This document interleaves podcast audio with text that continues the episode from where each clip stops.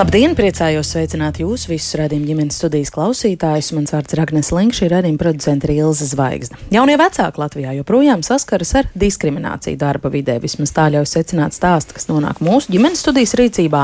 Tā kā vairākumā gadījumu bērnu kopšanas atvaļinājumus izmanto sievietes, tad viņas arī ir tās, kas biežāk nonāk situācijā, kad atgriežoties darbā pēc bērnu kopšanas atvaļinājuma izrādās, tava darba vieta vairs nav tevis gaidīta.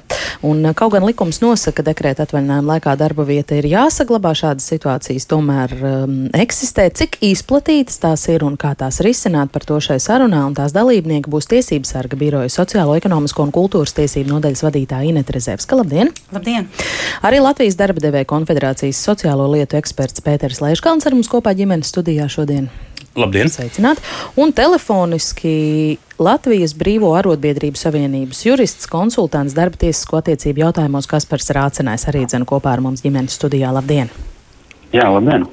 Un mēs klausītāji ceram, ka arī jūs mums pievienosieties šajā sarunā. Ja esat ar kādu pieredzi, kas noderētu mūsu sarunas kontekstā, tad gaidīsim arī jūsu komentārus, viedokļus, varbūt kādus jautājumus. Katrā ziņā ir kas sakāms mūsu sarunas ietveros, tad rakstiet mums, sūtiet ziņas no Latvijas radio mājaslapas. Kā jau es ieskicēju, ievadā ideja ģimenes studijai par šo sarunu dzīvo uzklausot kādas māmas pieredzes stāstu, kas saistās ar tādu nepatīkamu situāciju atgriežoties. Ja plānojot atgriešanos darbā pēc bērnu kopšanas atvaļinājuma. Nedaudz vēlāk šo stāstu mēs visi paklausīsimies, bet iesākumā es gribu jums vaicāt, vai arī jūs savā profesionālajā ikdienā saskaraties um, ar šādām situācijām, ka uh, sieviete, bet droši vien šad tad retāk arī vīrieši tiek dažādi diskriminēti atgriežoties, piemēram, darbā pēc bērnu kopšanas atvaļinājuma.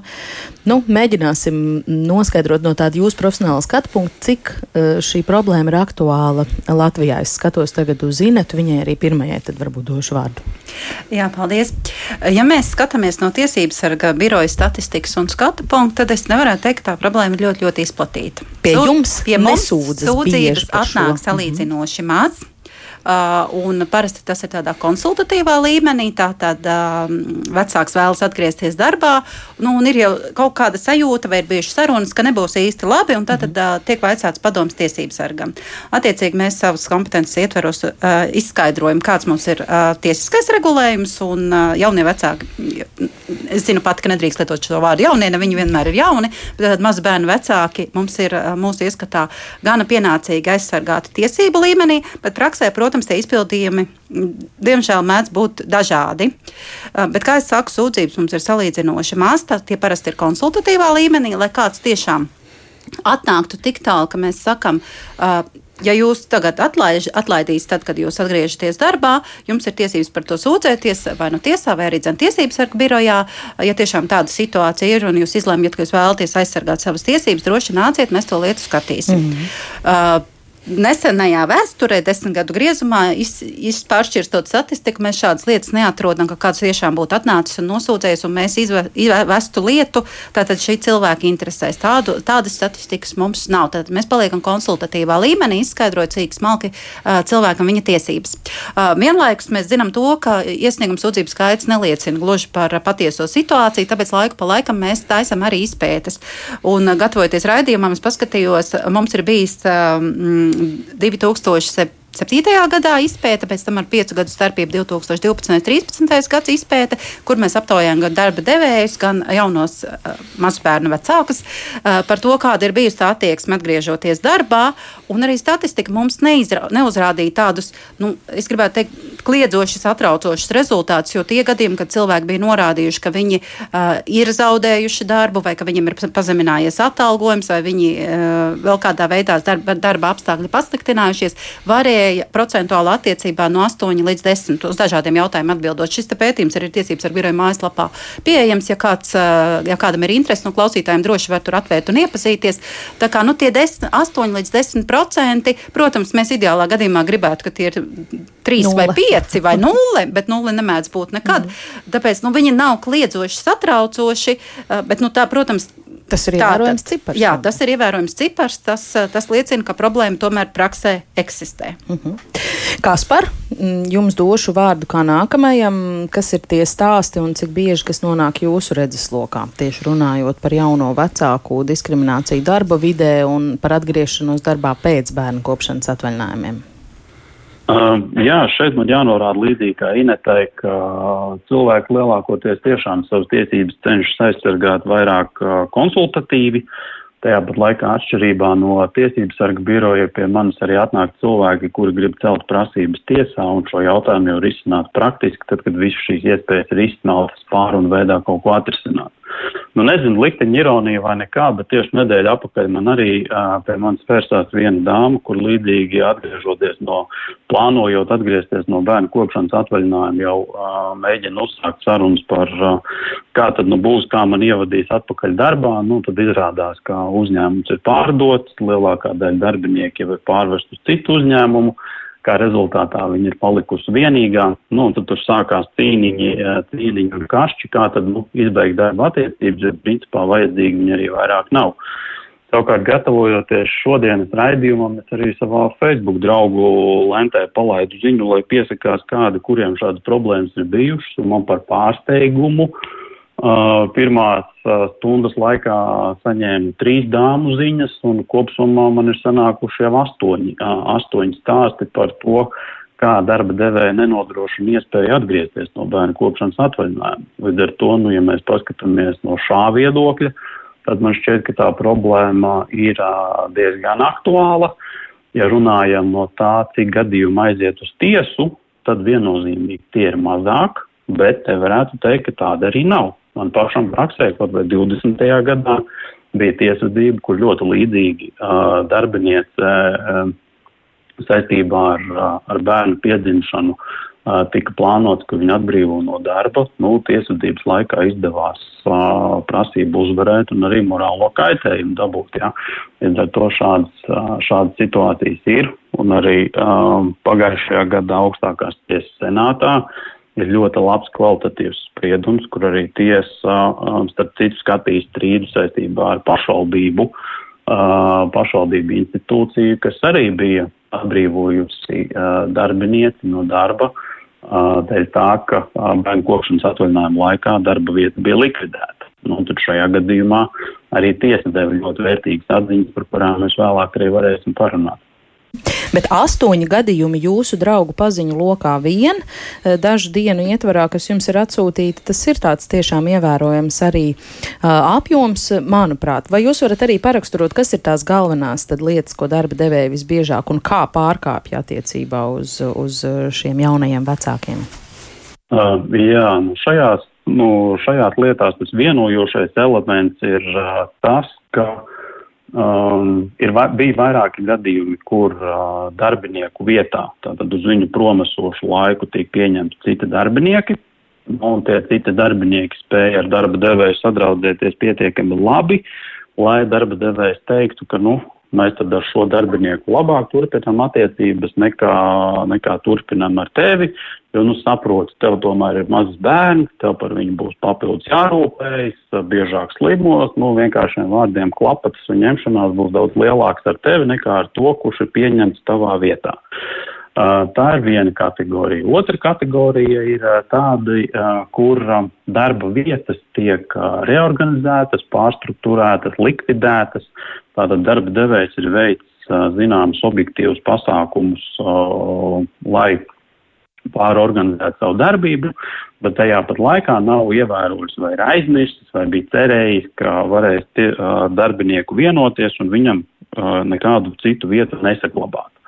Bet šajā kontekstā ir jāsaka, ka tie risinājumi, kas tiek vērsti no darba devēja puses, visbiežāk ir uh, caur vienošanos, proti, ka darba devējs piedāvā izbeigt darba attiecības pusēm vienojoties. Tur, protams, arī sadalās, uh, kādi ir šie nosacījumi, uh, vai atlaišanas pabalsts tiek maksāts. Nu, lielākoties tomēr cenšas izmaksāt pabalstu, tad ir jautājums, cik, uh, cik lielā apmērā. Uh, šis pabalsts tiek maksāts, vai tā ir viena, vai tās ir divas. Nu, man ir bijuši arī sešas, septiņas algas, kuras darbiniekam kā kompensācija maksā šajos gadījumos. Un, un trešā lieta, kas man liekas ir, nu, tāda, nu, nevarētu teikt liedoša, bet par ko ir vērts aizdomāties, ka pārkāpumi šajā kontekstā tiek konstatēti gan valsts pašvaldību institūcijās, gan arī tādos uzņēmumos, kas sevi publiski cenšas pozicionēt gan kā ģimenei draudzīgi vai kā korporatīvi ļoti sociāli atbildīgi uzņēmumi. Līdz ar to tā ir vēl viena nianse, par ko ir vērts aizdomāties, ka nevienmēr zelta ir tas, kas ļoti spoži spīd. Jā, paldies, Kaspars jau atbildēja arī uz vienu no maniem tur tālāk ieplānotajiem jautājumiem, cik liela ir tā atšķirība, vai strādāja privātajā vai valsts sektorā. Tātad šādas lietas novērojamas nelikumības gan, gan vienā, gan otrā. Pēter, kā šis viss izskatās no darba devēju puses un no darba devēju perspektīvām? Jāteic, ka ir, kad Latvijā gadā piedzims aptuveni 20 tūkstoši bērnu, tātad šobrīd jau pagājušajā gadā bija mazāk, vienkārši sākās tā demografijas lejupslīde tādēļ, ka mammas kļūst tajā nu, fertilajā vecumā ar vien mazāk. Tas ir 90. gadu dzimstības, zemās dzimstības rezultāts. Mm -hmm. Tātad, nu, principā, ja mēs skatāmies 17, 18 tūkstošu gadījumu, tad būtu atgriešanās darbā. Nu, tad uz šī skatu punktā, spriežot pēc tiem gadījumu skaitiem, nu, nav liels. Protams, Rācenē kunga minētais, ka viņa paziņo lokā, es nezinu, cik liels ir viņa tas Facebook sekotājs. Es pieļauju, ka viņam ir ļoti liels, jo viņš ir ļoti labs speciālists darba tiesību jomā, bet tā tad tur tomēr parādās šie, šie momenti. Ja? E, jā, nu, ja mēs skatāmies, ko Rācinēkungs minēja par to sadraudzēšanos ar, ar, ar darba savu devēju. darba devēju, es domāju, ka e, tas var būt publiskajā sektorā iespējams, savukārt privātajā sektorā vienmēr ir svarīgāks darba, darbinieka devums, ko viņš dod. Ja? Un tur var būt problēmas, protams, manuprāt, var gadīties problēmas tajos gadījumos, ja, jo nu, saprotams, ka tajā brīdī, ja dar, nu, mamma piesakās, ka viņa tagad ies eh, pirmsdzemdību atvaļinājumā, tā tad eh, parasti pirms tam vēl izņem arī kārtu atvaļinājumu atlikušo daļu, tad to, un tad tas ir apmēram 20, 22 mēnešu periods, kurā darba, darba devējiem ir jārēķinās, ka šis cilvēks nebūs. Tā tad ir jāpieņem vietā uz laiku. Ja.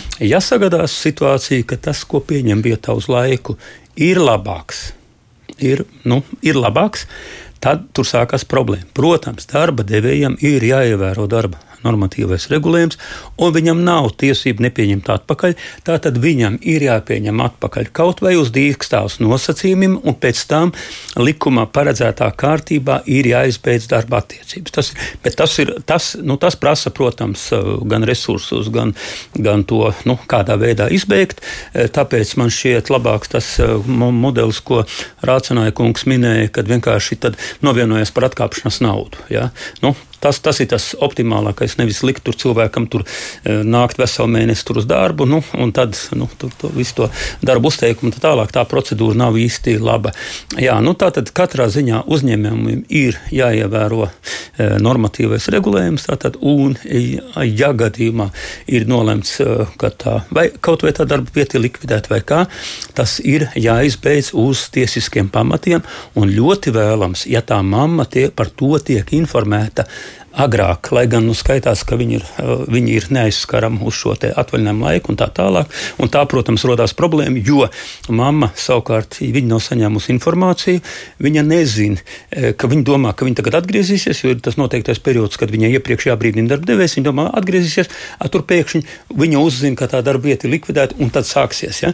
Tā tiesāšanās procedūra, man, man liekas, tas ir pats, pats pēdējais, ko vajadzētu darīt eh, starp darba devēju un darba ņēmēju, jo tas nav nu, tas nav labs risinājums. Jo nevar jau cilvēks sevi uzspiest darba devējiem. Viņš var uzspiest sevi Protams, no juridiskā skatu punkta viņš var uzspiest, ar ko tas beig, beigās beidzās. Nu, parasti ne ar ko labu. Ja? Tā uzspiešana nav labākais risinājums.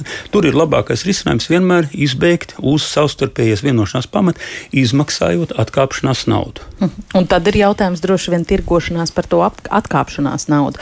Inet, komentēsiet, kā lai es kaut ko noteikti pakomentēšu, ka šis ir eh, viennozīmīgi tas ir viscilvēcīgākais rīks, manuprāt. Nu, objektīvi var būt, ka tas eh, aizstājējs ir profesionālāks, eh, jaudīgāks, enerģiskāks un, un, un darbdevējiem daudz interesantāks no, no kvalitātes viedokļa. Un tad tiešām liekas absurdi, ka šāds darbinieks ir jāatlaiž tādēļ, ka mums ir jāsaudzē šis te, um, darbinieks, kas atgriežas pie bērnu kopšanas atvaļinājuma.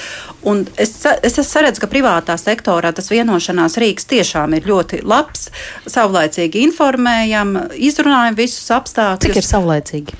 Nu, es teiktu, ka tiem ir jābūt kādiem trim mēnešiem vismaz, lai pirms var... tā laika, kad mamma kad plānotu atgriezties, atgriezties darbā. darbā. Nu, nevis pēdējais mēnesis, man, man, ja nemaldos, tad likumā ir divas nedēļas uh, pieteikšanās, kas atgriežos darbā, bet nu, tur ir jābūt caurlaicīgi, lai, lai arī tas jaunais vecāks var, var uh, salāgot, vai viņam ir pretī dārziņš, bērnu dārs, vai, uh, vai viņš ņems auklīti, vai meklē citu darba vietu. Ja cilvēks profesionāls, tad, protams, darba tirgus viņam ir atvērts, bet tāpat ir nepieciešams zināms laiks, uh, lai, lai sameklētu jaunu darba vietu. Bet atgriežoties pie vienošanās, kāpēc es uzskatu, ka tas ir tāds viscilvēcīgākais instruments.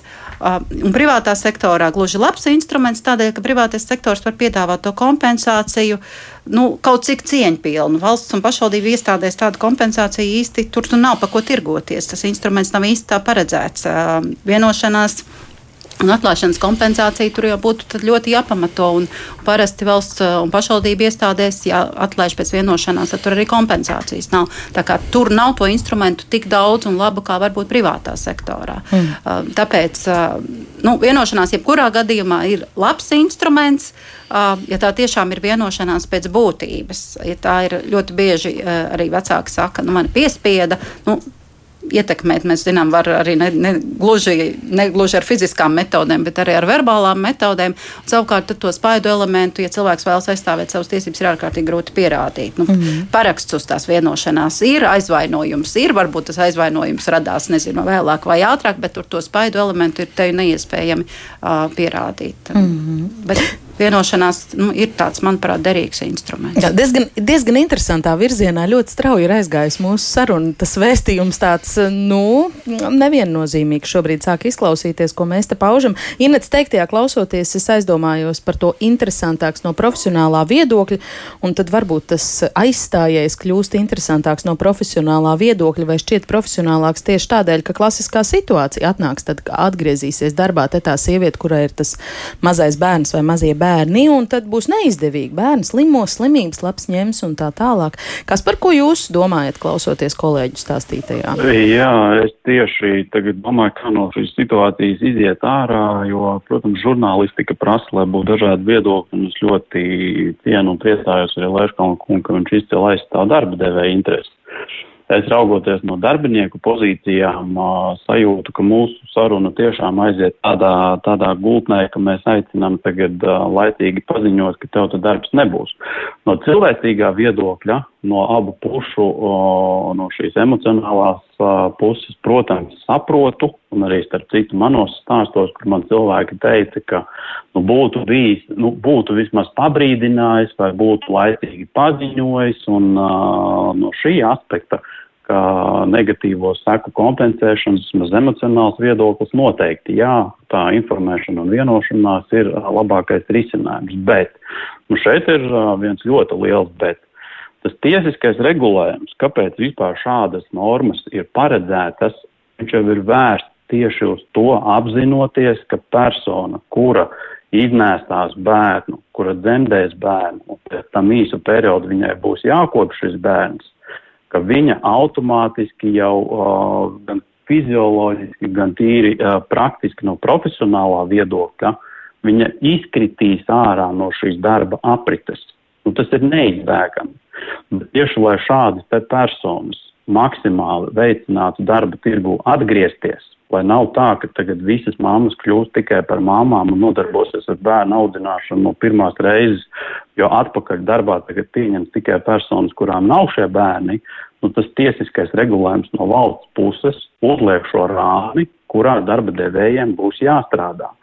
Un ja nu gadījumā uh, ir bērna kopšana, tad likums ir pateicis, gribi vai negribi, patīk vai nepatīk tev šis jaunais darbinieks, ja pareizāk sakot, nevis jaunais, bet tas, kurš ir pieņemts uz darbinieka prombūtnes laiku. Tātad nevis viņa vietā uz nenoteiktu laiku tiek pieņemts darbinieks, bet viņa vietā uz noteiktu laiku, tātad uz darbinieces prombūtnes laiku, uz bērnu kopšanas atvaļinājumu laiku tiek pieņemts šis cits darbinieks. Un zinot to, ka atgriežoties atpakaļ no bērnu kopšanas atvaļinājuma, tam aizvietotājam būs darba vieta jāatstāj. Ja tas darbinieks ir pietiekami labs un kvalitatīvs, protams, var domāt par to, vai darbā nesaglabāt abus darbiniekus, iespējams, var paplašināties, iespējams, var piedāvāt darbiniekam kādu citu uh, amatu. Tas, ka šādas organizatoriskas izmaiņas ir iespējams likvidējot kādu amatu, kur ir bērnu kopšanas atvaļinājuma laikā aizgājis dāma vai kungs, to jau likums atļauj. Tāpēc ir ierakstīts, ka, ja nav iespējams nodrošināt tādu pašu darbu, nodrošina līdzīgu, līdzvērtīgu. Savukārt, ja darba devējs jau saprot, ka veicot organizatoriskās izmaiņas, viņš nevarēs nodrošināt līdzīgu vai līdzvērtīgu darbu, nu tad šeit likums pasaka, ka prioritāte tomēr būs tā darbinieka aizsardzība, kurš ir aizgājis tajā bērnu kopšanas atvaļinājumā. Un, ja tu to nodrošināt nevarēsi, tad tev būs tiesvedība un tiesvedībā darba devējiem būs jāatjauno tas atlaistais darbinieks atpakaļ.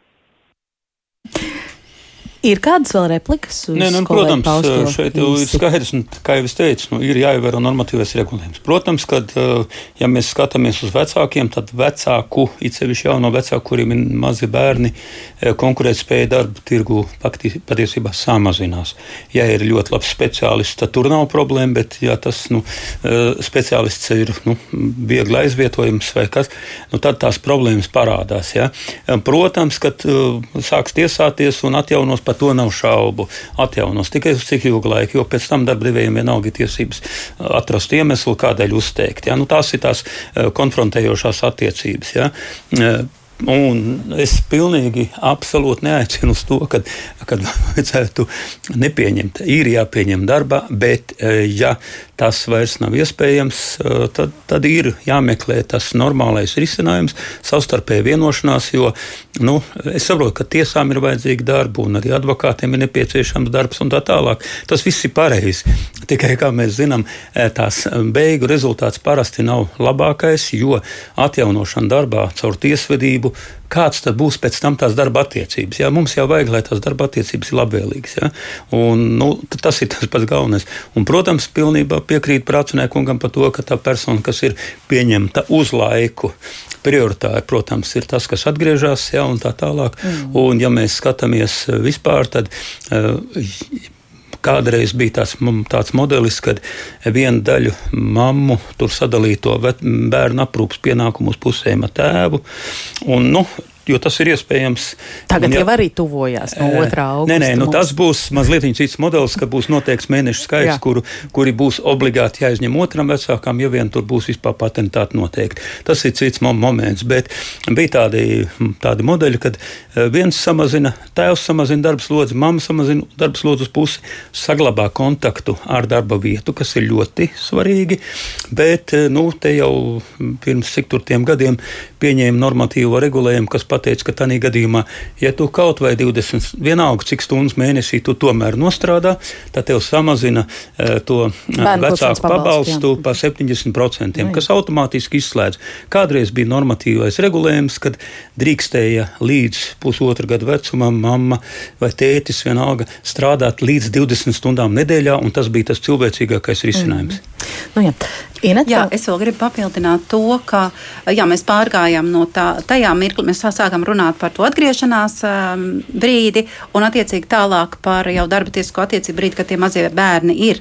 Un tur gan arī mums pētījums uzrāda, ka tajā posmā gan darbinieki vairāk sajūt to diskriminējošo attieksmi tieši tāpēc, ka viņam ir mazi bērni, tāpēc, ka jā, viņi diemžēl slimo, ir jāņem šīs slimības lapas vai jāved pie ārstiem. Un, uh, nu, vispār mēs zinām, mazu bērnu aprūpi viņi prasa, nezinu, būt dažādos pasākumos kopā ar bērniem. Un, un tad ir ļoti labi, ja darba devējs pie, var pielāgoties šīm šīm, šīm maza bērnu vecāku vajadzībām un ir elastīgi uz to skatās. Protams, savu, savu devu tam dod elastīgais darba laiks, ko varbūt arī šobrīd attālinātā darba iespējas mums, mums vairāk ienes jaunas uh, vēsmas tajā un ir vieglāk savienot šo darba dzīvi ar, ar bērnu audzināšanu. Uh, bet viennozīmīgi tajā posmā uh, es teiktu, ka tās, tā bilde galīgi vairs nav tik laba kā tai atgriešanās mirklī, kur es teicu, kur ir tie 10%, bet jau tai uh, darba dzīvē ar tiem maziem bērniem tur darbinieki sajūt šo diskriminējošo attieksmi vai dažādas izteikumus no darba devējas, vai atkal vajag uz tādu pasākumu, nē, es nelaidīšu.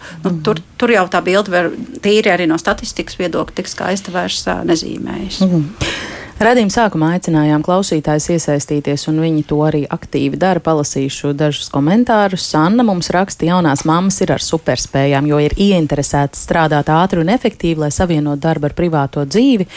Kāds klausītājs, kurš parakstījies kā skepse, saka, ka mums trūkst sapratnes, cik vērtīgi ir tas, ka sievietes ir gatavas radīt bērnus. Darba devēja domā par īslaicīgām interesēm, bet mums kopā kā sabiedrībai būtu jābūt daudz atbalstošākiem pret tiem, kas vispār ir gatavi radīt bērnus un vēl savienot to ar nodarbinātību. Edmunds pārmet, ka pagaidām neviena vārda par māmiņu aizsardzību, viss tikai par nabaga darba mm, devēju. Pēters saka, Nezinu, gan, ko viņš ar to domā. Manu sievu tiesības sargs atšuva. Sāk strādāt kādā kompānijā, un viss bija ok līdz brīdim, kad godprātīgi pārbaudas laikā paziņoja, ka nu pat palika stāvoklī. Tajā brīdī lūdza pašai aiziet, vai arī safabricēs kriminālu apsūdzību, un sieva zem spiediena salūza. Uh, Santa savukārt uh, dalās pieredzē. Viņa saka, nu iedomājieties sevi arī darba devēja vietā. Viņam vajag produktīvu darbinieku, bērnus mēs dzemdējam savam priekam, nevis pildām valsts pasūtījumu par noteiktu samaksu maksu. Pirms dažiem gadiem es veiksmīgi atgriezos savā darba vietā pēc bērnu kopšanas atvaļinājuma, un jau iepriekš darba devēja informēja, ka viņš nejutīs, ka man ir mazs bērns. Esmu visu sakārtojusi. Ir cilvēki, kas varēs būt kopā ar bērnu tā slimības laikā, un tā tālāk veiksmīgi atgriezos, strādāju, un neviens pat nejūt, ka man ir mm, bērni. Savukārt eh, Edmunds dalās paziņas pieredzē, kas, lai iestātos darbā, Valmierā gāja pie doktora un viltoja izziņu, ka viņa ir neauglīga. Es jautāju, kāpēc. Atbildi no tā atkarīga galvenokārt Savukārt ir alga un priekšniecības personīgā attieksme, kas necietīšot te kaut kādas resenvēderainās. Saņēmos un nolasīju jums arī šo komentāru. Inet noskurinājās. Kād, kādas replikas par šo varbūt Kasparam, kas bilstams? Uh, nē, nu, droši vien uh, man jāatzīst, ka es arī nedaudz noskrināju, īpaši no tā pēdējā, bet, uh, diemžēl, uh, ar tādām lietām, uh, par tādām lietām esmu dzirdējis, ka, jā, uh, grūtnieču problēma. Tas ir, saka, zem kaunu zīmes daudzām dāmām liek sajusties. Man arī, starp citu, bija viena tiesvedība, kur darbiniece vienā no valsts kapitāla sabiedrībām bija izturējusi ļoti garu pārbaudes procedūru, un tajā brīdī, kad godprātīgi pirms līguma noslēgšanas paziņoja par to, ka ir grūtniece un uh, pēc kādu laiku plānos uh, iet uh, atvaļinājumā, tad ar to sarunu beidzās un persona netika pieņemta darbā. Nu, šajā situācijā, par laimi, tiesvedībā mums izdevās noslēgt izlīgumu, un te es varu piekrist arī Leškalnu kungam, ka šajā situācijā viennozīmīgi ne tā darbiniece gribēja iet uz to darba vietu pēc šādas attieksmes, ne arī darba devējs gribētu viņu redzēt. Un šis bija tas gadījums, ka tiešām vienošanās bija vislabākais, ja šajā gadījumā ir līgums tiesvedībā labākais risinājums, protams, saņemot arī atbilstošu kompensāciju. Tā kā uh, man ir prieks, ka šajā radio rēdījumā, protams, piedalās abu viedokļu pārstāvi, gan no darbinieka puses un saprotot, protams, arī darba devēja objektīvās nepieciešamības un vajadzības, bet tāpēc jau arī valsts ir radījusi tiesisko regulējumu, kurā šīs intereses ir pēc iespējas sabalansētas. Tas arī ir tas uzdevums strādājot pie normatīviem aktiem. Lēškalnkungs neļaus samalot. Mums darba lietu apakšpadomēs ir ļoti karstas un dažādas diskusijas par to vienā vai otrā virzienā a, tiesisko regulējumu vilkt vai aizstāvēt, un kaut kādā beigu rezultātā jau nu mēs nonākam pie salīdzinoši veiksmīgiem kompromisiem. Inēt arī gribēja vēl ko bilst Jā, par klausītāju komentāriem. Par klausītāju komentāriem tas beidzamais tiešām bija šausminoši. Es teiktu, ja tāda darba devēja attieksme noteikti ir jāziņo vai no tiesības sargām vai darba inspekcijai. Un, un... un kas no tam, ka ziņošu? Nu, tas nozīmē, ka mēs sākam patraucēt tam darba devējiem mierīgi dzīvot, uzdodot dažādus nērtus jautājumus.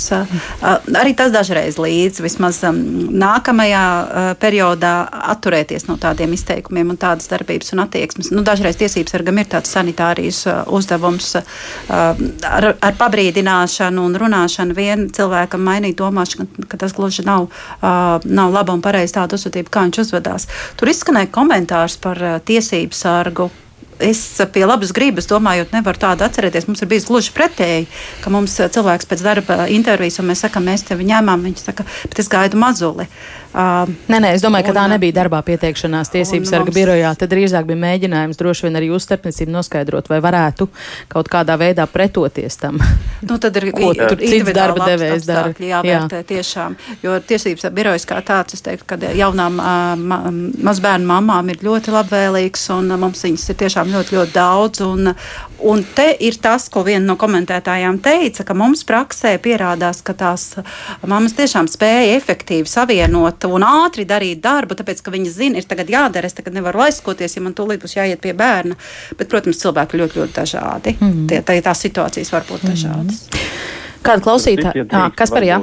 Jā, jā mums komentāri, ko Inete teica, jā, tieši tas gadījums, par ko es minēju, ir arī tas, kur uh, var uzslavēt uh, tiesības sargā. Tiešām produktīvu un efektīvu iesaistīšanos, jo tieši tas arī bija tas gadījums, par ko mēs runājām, kur ļoti lielā mērā arī pateicoties tiesības sarga aktīvai rīcībai šis rezultāts tika panākts.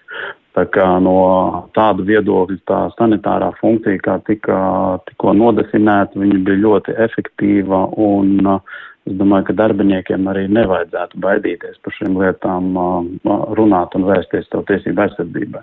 Bet šajā kontekstā tas, ko mēs praktiski saskaramies ar problēmu, ka šīs diskriminācijas lietas ir problemātiskas ar to, kā tu vari pierādīt, tu tiec aizskarts vai pret tevi rada negatīvas sekas tieši šī iemesla dēļ, tāpēc, ka tu esi vienā vai otrā statusā. Un kā to var darīt, kā var vākt šos pierādījumus? Jā, no likuma viedokļa strīda gadījumā likums aizsargā darbinieku, ka ir tā saucamā apgrieztā pierādīšana, proti darbiniekam ir jāsavāc zināms pierādījumu minimums, viņš aiziet ar to uz tiesu, norāda, ka šāda rīcība no darba devēja puses ir pirmšķietama, jeb ticama, ka ir bijusi vērsta, piemēram, grūtniecības vai dēļ tā, ka es atgriežos no bērnu kopšanas atvaļinājuma dēļ, un darba devējam jau tad ir šī smagā nasta uz pleciem pierādīt, ka nē, principā melns nav balts, un uh, man nākas kā darba devējiem tagad pierādīt, ka es esmu rīkojies šāda vai citāda objektīva iemeslu dēļ.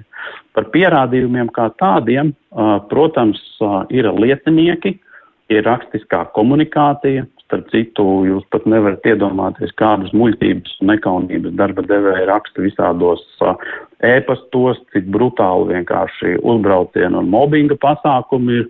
Tāpat tās populārā WhatsApp saraksta, kur darbinieku grupas tiek veidotas un uh, darbiniekiem patiešo raksta. Messengeros arī š, jā, šajās privātajās komunikācijās izpeld ārā visādi brīnumi. Bet ir, protams, arī jau advancētāki pasākumi viens pret viens. Iesauc kabinetā un tad tagad stāsta visu, ko domā. Darbinieks iziet raudoši šārā un principā nesaprot, kas ar viņu ir noticis. Nu, protams, pirmajā situācijā darbiniekam šoks, ka kaut kas tāds ir noticis, neviens neko nav piefiksējis, bet uh, citās reizēs uh, arī šeit uh, augstākā tiesa ir atzinusi, ka ja objektīvu iemeslu dēļ tev ar citiem samērīgiem, saprātīgiem pierādīšanas līdzekļiem nav iespējams šo pārkāpumu fiksēt, tad ir pieļaujami arī tie saucamie slēptie audio video ieraksti, kur šāda te darba devēja mobbinga, psiholoģiskā terora izvērsumi tiek arī no darbinieka puses piefiksēta bez darba devēja atļaujas. Un šādus tad var izmantot arī tiesā, lai pierādītu, ka darba devējs, piemēram, tā arī acīs pateica, tu esi grūtniece vai kā šeit mums rasnu vēderajām nav lemts šajā darbā būt, nu tad šādu te kliedzošu pierādījumu tiesai noteikti būtu pienākums arī uh, akceptēt. Jā, es gribēju par to jautāt, bet drusku domāju, vai es neizklausīšos kā filmas saskatījusies. Lūk, kā izrādās mūsdienu tehnoloģijas savu tiesību aizsardzībai arī varam lietot. Es atgādināšu, ka šodien ģimenes studijā mēs runājam par to, kā rīkoties situācijās, ja, piemēram, pēc bērnu kopšanas atvaļinājuma tev liek skaidri saprast, ka tava darba vieta tevi atpakaļ negaida. Un mana saruna biedra šodien ir eh, Tiesības sarga biroja pārstāvja Ineta Rezevska, Latvijas darba devēja konfederācija Pēters Lēškalns, bet eh, Kaspars Rācenājs Latvijas eh, Brīvo arotbiedrību savienības jūras jurists, un eh, šobrīd mūsu sarunai pievienosies eh, Zāne. Es pieminēju viņu redzējumu sākumā. Paklausīsimies eh, Zānes pieredzes stāstā. Pirmajam bērnam bija 9 mēneši, kad pieteicās otrs bērniņš. Līdz ar to pirmais bērnu kopšanas atvaļinājums īsti nebeidzās un sākās otrs. Nu, summējoties tur katru, ar katru bērnu, es paņēmu garāko iespējamo periodu, ko piedāvā nu, likumdošana. Līdz ar to tie kopējais pavadītais laiks gandrīz tur sanāk tie četri gadi. Pietiekami ilgs periods priekš uh, manis kā mammas arī, un pietiekami ilgs periods arī priekš uzņēmuma. Situācija bija vienkārši no viena vadošā pozīcijas Baltijas valstīs. Man mani pārpirka cits uzņēmums arī uz vadošu pozīciju Baltijas valstīs. Man tas nozīmē ļoti liels iespējas. Tiešām tas bija tāds uh, ļoti liels izaicinājums, gan profesionāls, gan, uh, gan arī personīgs. Vīde startautiska, uzņēmums startautisks. Tad pieteicās meita, Un uh, jau tajā brīdī es sapratu, principā, ka visticamākais, ka pie šīs uzņēmuma kultūras un iekšējās vidas, kāda tur ir, ka tā sadarbība iespējams, ka varētu arī neturpināties. Bet nu, man bija vēl tāda nu, cerība, vai ne cerība, tad paļaušanās uz to, ka mēs spēsim vienoties par turpmāko darbu. Es uh, laicīgi paziņoju, ļoti laicīgi paziņoju ar tādu vēlmu palīdzēt arī uzņēmumam atrast kandidātu, kurš varētu aizvietot, jo pozīcija tomēr nebija tik vienkārša visam kārtīgi. Tad jau no uzņēmuma puses no savu tiešā vadītāja saņēma pārmetumus ar tekstu, nu, ko tu atļaujies vispār. Ja, kā tu te tagad izjauc visus mūsu plānus. Un tas jau man bija tāds signāls, ka patiesībā nekas mums te neturpināsies labs. Ejot laikam uz priekšu, pieteicās otrs bērniņš, es paziņoju darba devējiem, es prasīju, vai man nebūtu jāizrunājās vēl ar vadību, ja par to, kā tas viss izskatīsies. Nē, nē, tā bija nu, personāla daļa, kas runāja ar mani. Nē, nē, vispārībā redzēs, kā būs, tad, kad tu atgriezīsies, vai tu atgriezīsies, un tad, kā, uz ko tu atgriezīsies, un tā tas arī viss palika. Bet savas būtības es sapratu to, ka man te vairs nebūs ko darīt. Jo es ļoti labi saprotu uzņēmēju pusi, ka tik liels laiks un šāds amats nu, nevar palikt ilgi tukšs.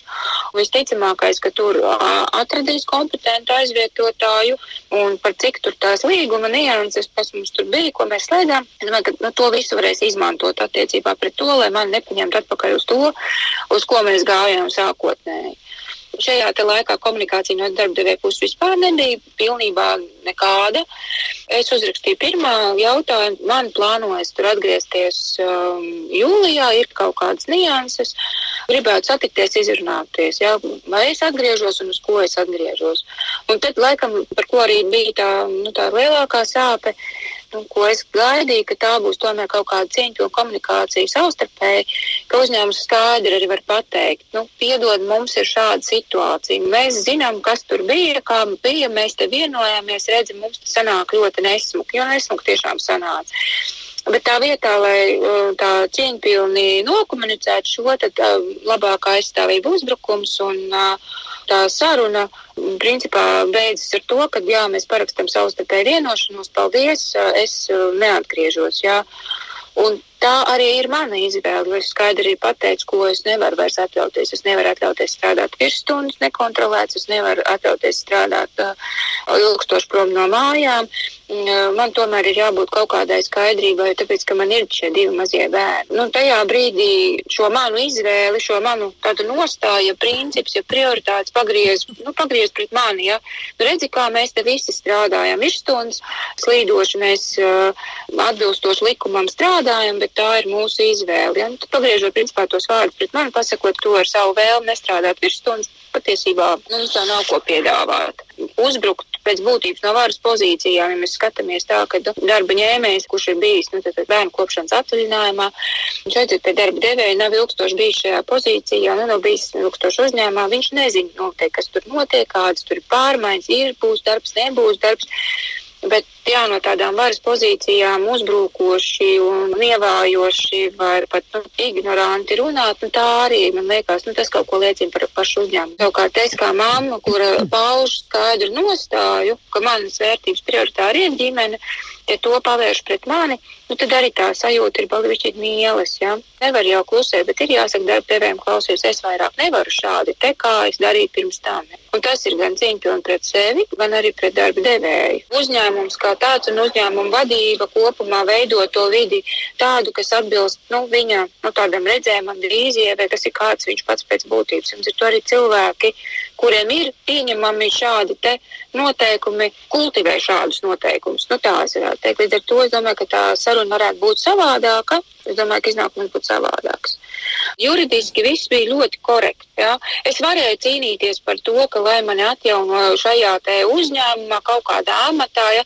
bet es tajā pašā laikā ļoti labi zinu to, ka es negribu būt tajā vidē tieši tā iemesla pēc, ka nu, es zinu to, ka tas vienkārši nebūs savienojums kopā ar, ar tām manām prioritātēm. Ja? Nu, tā ir mana izvēle. Tā ir mana izvēle. Es parakstīju šo vienošanos, vai man viņa ir izdevīga. Nē, finansiāli man tā, protams, nebija izdevīgi, bet es noteikti ilgtermiņā daudz ko vairāk iegūšu nekā, ja es tur atgriezīšos. Jā, jo arī šeit tas stāsta par to, ka nu, tev atjaunotajā amatā tu tur pusgadu nosēdi un tik un tā aiziet projām. Bosings un mobbings viņš joprojām ir, viņš nekur nav pazudis.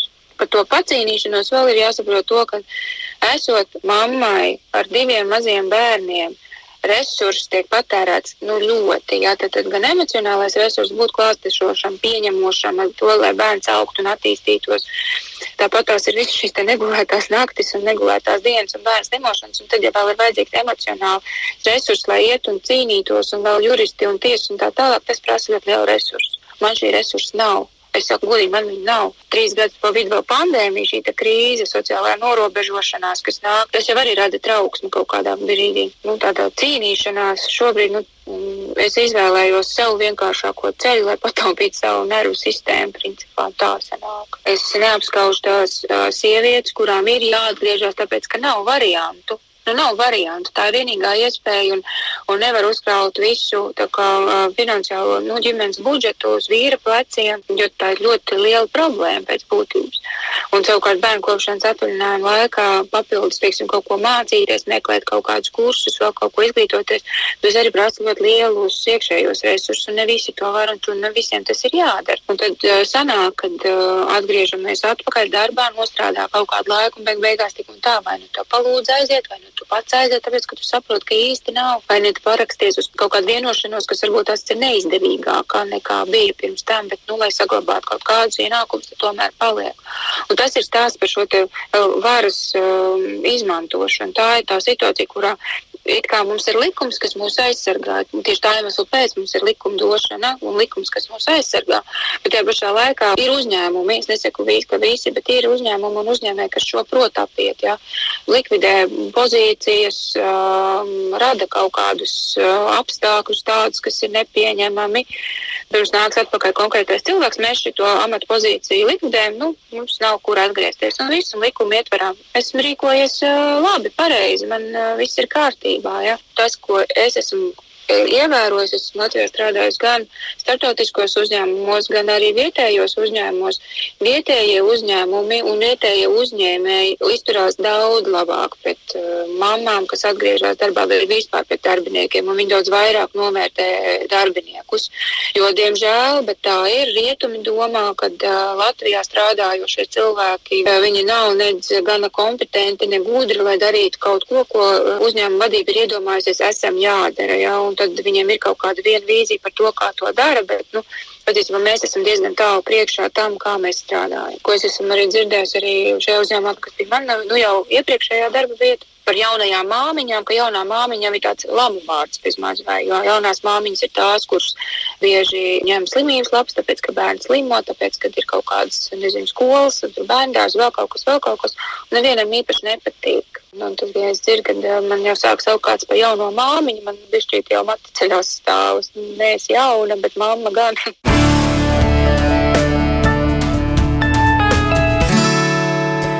Tālāk, paldies par dalīšanos pieredzē. Zanai zīmīgi, ka šis stāsts ilustrē tādu situāciju, kurā tāda apšaubām darba attiecību kultūra vērojam ne tikai pret mazkvalificētiem darbiniekiem, bet nu, pret augstas raudzes, profesionāli augstā amatā, starptautiskā mm, uzņēmumā. Kādi komentāri par dzirdēto? Jā, ne? es uh, gribētu iekomentēt. Uh, tā ir, jā, paldies Zanai pirmkārt par stāstu un dalīšanos. Un, um, es gribu teikt, ka nu, jā, Zana ir izvēlējusies to, kas ir viņa komforta līmenī, un kur viņai ir sirdsmiers, un kur viņa var uh, nu, to labāko droši vien, kas viņas situācijā, kur viņa pati izjūta, kas viņai varētu būt. No otras puses, ja mēs gribam izmainīt darba devēja kultūru un attieksmi, nu, tad ir jālieto šis nelāgais vārds cīnīties. Ja Zana būtu apņēmības pilna un atgrieztos darbā, nu, viņa pataupīja savu resursu. Viņa pataupīja savu resursu. uh, es sapratu stingra nolieguma, ka tu te nedrīkst nākt, arī tur īsti nebija. Viņai pašai bija tā izjūta, man tur dzīves nebūs, pēc pusgada man tāpat būs jāaiziet. Mēs nezinām, kā būtu bijis. Uh, jā, viņi pasaka, ka viņa nevarēs strādāt virsstundas. Likums saka, ka viņai nemaz virsstundas nav jāstrādā, ka viņai pienāks dažādi atvieglojumi. Mēs tā kā nemēģinājām pat to darīt. Nemēģinājām iet uz to, ka Nu, cilvēks jā, racionāli izmeklē situāciju, izvērtēja situāciju. Jā, nu, tas jūsu ieteikums būtu, ka slikti, kaut kādās situācijās ir arī jācīnās. Mainītu ne? dzīvi, mums ir jācīnās, mm. piesaistot, nezinu, arotbiedrību, piesaistot tiesību sargu, un tad mēs jau izmantojam šīs te apgrieztās pierādīšanas principu, un tad, kad tad darba devējiem ir jāsāk mm. taisnoties, kāpēc tu dari tā, kā nav atļauts. Mm. Un tad viņš varbūt kaut ko aizdomājās par to. Pēter, par ko jūs domājāt? Nu, attiecībā, es, man, man mazliet pārsteidz tas, ka starptautiski uzņēmumi šīs mammas ieskatās izskatā mazliet tomēr nav tik labi kā vietējie. Man pārsteidz, jo es līdz šim biju domājis, ka starptautiskie nāk ar tādu rietumu pieredzi, kas ir, nu, un, un šeit viņi to arī īsteno.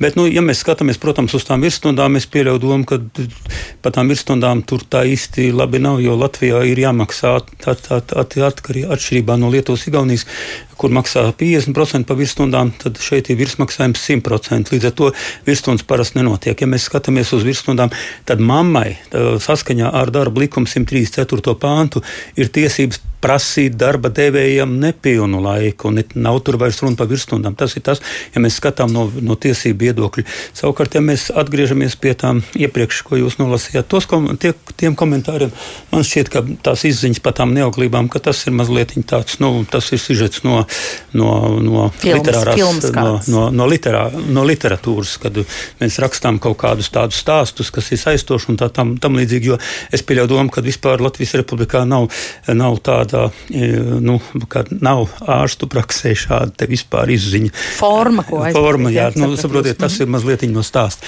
Attiecībā uz to, ka tur bija viens tāds izteikums, nicīgs mazliet pa uzņēmumiem, man jāteic, ka ir tas ir ļoti, nu, tas nav, tas nav labi.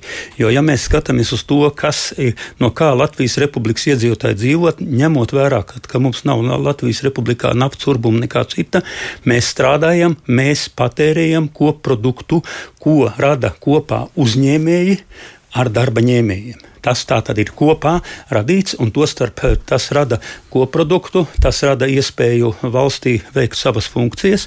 Tas kopumā tātad pēc uzņēmējiem nevajag nekad izturēties nicīgi. Uh, ir, protams, uzņēmēji tādi vai šitādi, bet kā kopumu nevajag šādi apzīmēt. Mm. Ja Zanas stāstā jau Latvijas uzņēmēji ja labāk. Ja mēs, ja mēs skatāmies vēl uz to vienu pozīciju, ka tas nav valsts pasūtījums un tā tālāk, ja, bērnu eh, zemdē. Bērnu zemdē tas nav Es gribu teikt, mazliet tomēr savādāk. Mm. Ka patiesībā, eh, patiesībā valsts, lai varētu funkcionēt ilgā termiņā, visu laiku jābūt noteiktai attiecībai starp, starp darba, eh, darbspējas vecumā esošiem cilvēkiem un pensijā izgājušiem. Ja tā attiecība tiek izjaukta, tad ir vai nu ļoti nabadzīgi pensionāri, vai arī e, ļoti liels nodokļu sloks, kas savukārt mm. nomāca uzņēmējdarbību. Tā kā šeit ir nu, tās lietas, kas tomēr Protams, ir. Katrs bērniņš vērā, katrs bērns potenciālais nākotnes vērtība. Un, ja mēs skatāmies, vēl tās situācijas bija minētas par to, ka mamma, ka viņai tur jāiet ir nu, tur, e, slimības un tā tālāk, ka, manuprāt, vienkārši tam normatīvam regulējumam ir jābūt tādam, lai mammas saslimšanas gadījumā mammai būtu izvēle vai deleģēt šo te, nu, zinām, finansējumu uz veco mammu, veco tēvu nu, kādu, vai kādu citu radinieku, ja viņai pašai ir svarīgi atrasties tomēr darba vietā. Jo ir tādi darbi, kur ir nāk termiņi, tas jāizdara, tas, tas. Mm. Saprotiet, šeit ir mazliet jāpadara elastīgāks šis normatīvais regulējums attiecībā uz slimības pabalstu. Jāteic, ka ir attiecībā uz bērniem slimības pabalsts tātad 14 vai attiecīgi 21 dienu tiek maksāts no valsts sociālās apdrošināšanas budžeta, bet ir vēl viena problēma. Mums ir sadalījums attiecībā uz šo slimības pabalstu. Vecākiem ir sadalījums tur 14 un tur 18 gadi, bet ir viena pozīcija, kas ir, ja bērns slimo mājās ilgāk par 14 dienām, ilgāk par 14 dienām, un viņš nav sasniedzis 7 gadu vecumu, tad mums nav regulējuma, kas tad notiek pēc 14 dienas. Par slimības pabalstiem diskutēsim citreiz, tikai dažas minūtes mums ir atlikušas. Es nolasīšu vēl divus komentārus, un tad Kasparam noslēdzošais, uh, noslēdzošais vārds. Santa raksta, mana pieredze daudz gadu valsts sektorā, un visas man zināmās darbinieces pēc dekrēta ir nodrošinātas ar darbu, bet septiņu gadu pieredze vienā no Latvijas lielākajām bankām, viņa te raksta, kāda es nesaukšu, jo tas mums nav pierādāms, ļoti lielai daļai tur piespiež parakstīt vienošanos, jau sarunās pirms atgriešanās saka, ka vietu nav liek cilvēkam pašam skatīties vakances, piedalīties konkursos kā darbiniekam no ielas. Ļoti regulāra praksa šajā iestādē, kas vienkārši ir tik nedraudzīga strādājot šajā bankā Zviedrijā, tāda attieksme nebūtu iespējama. Tā uh, raksta Zinta, un uh, vēl kāda klausītāja saka, ka esmu strādājusi lielā korporācijā, labi pazīstamā Latvijas uzņēmumā. Jaunā māmiņa atpakaļ tika pieņemta tikai ļoti, ļoti retos gadījumos, ja pati pirms došanās dekrētā bija ļoti aktīva vai kolēģi un priekšniecības iemīļot. Visos pārējos gadījumos amatā tika atstāts aizvietotājs, tika maksāts kompensācijas. Arī šis uzņēmums ir tāds, kas ir labs, kam ir labs darba devēja tēls un kas ar to aktīvi uh, dižojas. Kas par, ja jūs varētu rezumēt pēdējās divās, eh, maksimums divi ar pus minūtēs par to, kas tad ir tie rīcības scenāriji tiesāties. Nu šķiet, tam ir vajadzīgi lieli līdzekļi, tas ir dārgi, cik, cik dārgi vai neiespējami tas ir, jo, lūk, atkal te klausītājiem mums pārmet, ka nav to racionālo risinājumu par māmiņu aizsardzību. Tātad ieteikums, kur vērsties Jā. un ko darīt? Nu, pirmais no formālām institūcijām, tā ir valsts darba inspekcija, tas ir tiesības sargs, arotbiedrības, kas uzņēmumā ir pirmais, kur vērsties pēc padomu, lai arotbiedrības spēj šo jautājumu mieru ceļā atrasināt. Bet es ātri Jā. iestarpināšu, vai pie jums var vērsties, piemēram, Brīvo arotbiedrības savienībā arī tad, ja cilvēks nav nevienas arotbiedrības biedrs, vai tad viņam jāmeklē palīdzību citur? Mm, mēs, protams, aicinām iestāties, bet, uh, prom, neaizgrūdīsim arī cilvēku, kurš nebūs iestājies, konsultāciju arī sniegsim. Uh, šajā kontekstā droši var arī ar mani sazināties, uzmeklējot, un paralēli, kamēr mēs runājām, arī viena sieviete, kas bija dalījusies ar savu stāstu, uzrakstīja, ka mums vīriešiem nav saprašana par to, kas notiek ar sievietēm, jo ar mums tas tā nemaz nenotiek. Līdz ar to te nav nekāda izdomāta stāsta no filmu sižetiem, un viņa raksta, ka viņai nācās rakstīt papīru, ka divus gadus neies bērnu kopšanas atvaļinājumā stājoties darba vietā. Līdz ar to uh, situācijas mēdz būt dažādas, un visdrīzākais mums šeit stāsta šausmu stāstus, bet es aicinātu, protams, atrast to līdzsvaru starp savu emocionālo mieru, kur saprast, ka tiešām, ja tev ir iespēja atrast citu darbu, labāk iet uz citu darbu, tajā pat laikā piekrītot arī tiesības sargu pārstāvē, lai mēs mainītu sistēmu, ir jāveicina tas, ka cilvēki ar vien aktīvāk un aktīvāk cīnās par savām tiesībām. Un jau droši vien mūsu kā profesionāļu uzdevums ir uh, maksimāli viņus atbalstīt un meklēt veidus, risinājumus. Un, uh, un padomus, kā, kā, kā, kā iesniegt prasības tiesām, vai arī pārstāvēt viņus arī sarunās ar darba devējiem. Arī mediācija ir veids, kā šos strīdus var atrisināt diezgan veiksmīgi. Ja, ja vēl pavisam īsi, vai, vai pastāv tāda iespēja, piemēram, kas šeit gana bieži izskanēja, ka var reorganizēt, likvidēt darba vietu un tad vienoties ar darba ņēmēju, uh, viņš iet prom un pēc tam šo darba vietu atjauno, pieņem citu vai to pašu aizvietotāju šādu vingrojumu iet cauri? Mm, šāda vingrojuma ir formāli var iet cauri, bet tajā brīdī, ja darbinieks būs piefiksējis, ka šāds vingrojums ir izgājis, viņam ir tiesība uh, lūgt tiesā atjaunot nokavēto termiņu savai atlaišanai un, uh, un prasīt, lai atzīst, ka šāda te vienošanās ir bijusi ar mērķi apiet likumā noteikto procedūru, ir nodrošināt uh, darba vietu, jo darba devējs pēc būtības būs samalojis faktisko situāciju. Bet uh, viennozīmīgi, ja cilvēki paraksta vienošanos, tas ir visgrūtākais, ko tiesā apstrīdēt. Ja jums iedod uzteikumu, kuram jūs nepiekrītat, vienmēr saku, neizdariet Jā. muļķību, paņemiet, pēc tam domājiet mājās, kā apstrīdēt. Paldies! pēdējās sekundes saku paldies par eh, sarunu šodien ģimenes studijā Inetē Rezevskai, Pēterim Leiškalnam un Kasparam Rācinājam. Raidījumu šodien veidoja Agnese Linka, Hilza Zvaigzne un pie skaņa pults Andrejs Volkovs. Rīt ģimenes studijā runāsim par izglītību, no kurienes aug kājas studiju procesā izrādās tik populārajam plaģiātismam, vai to var novērst jau skolas solā, ko var darīt vecāko pedagogu, diskutēsim rīt no diviem līdz trījiem.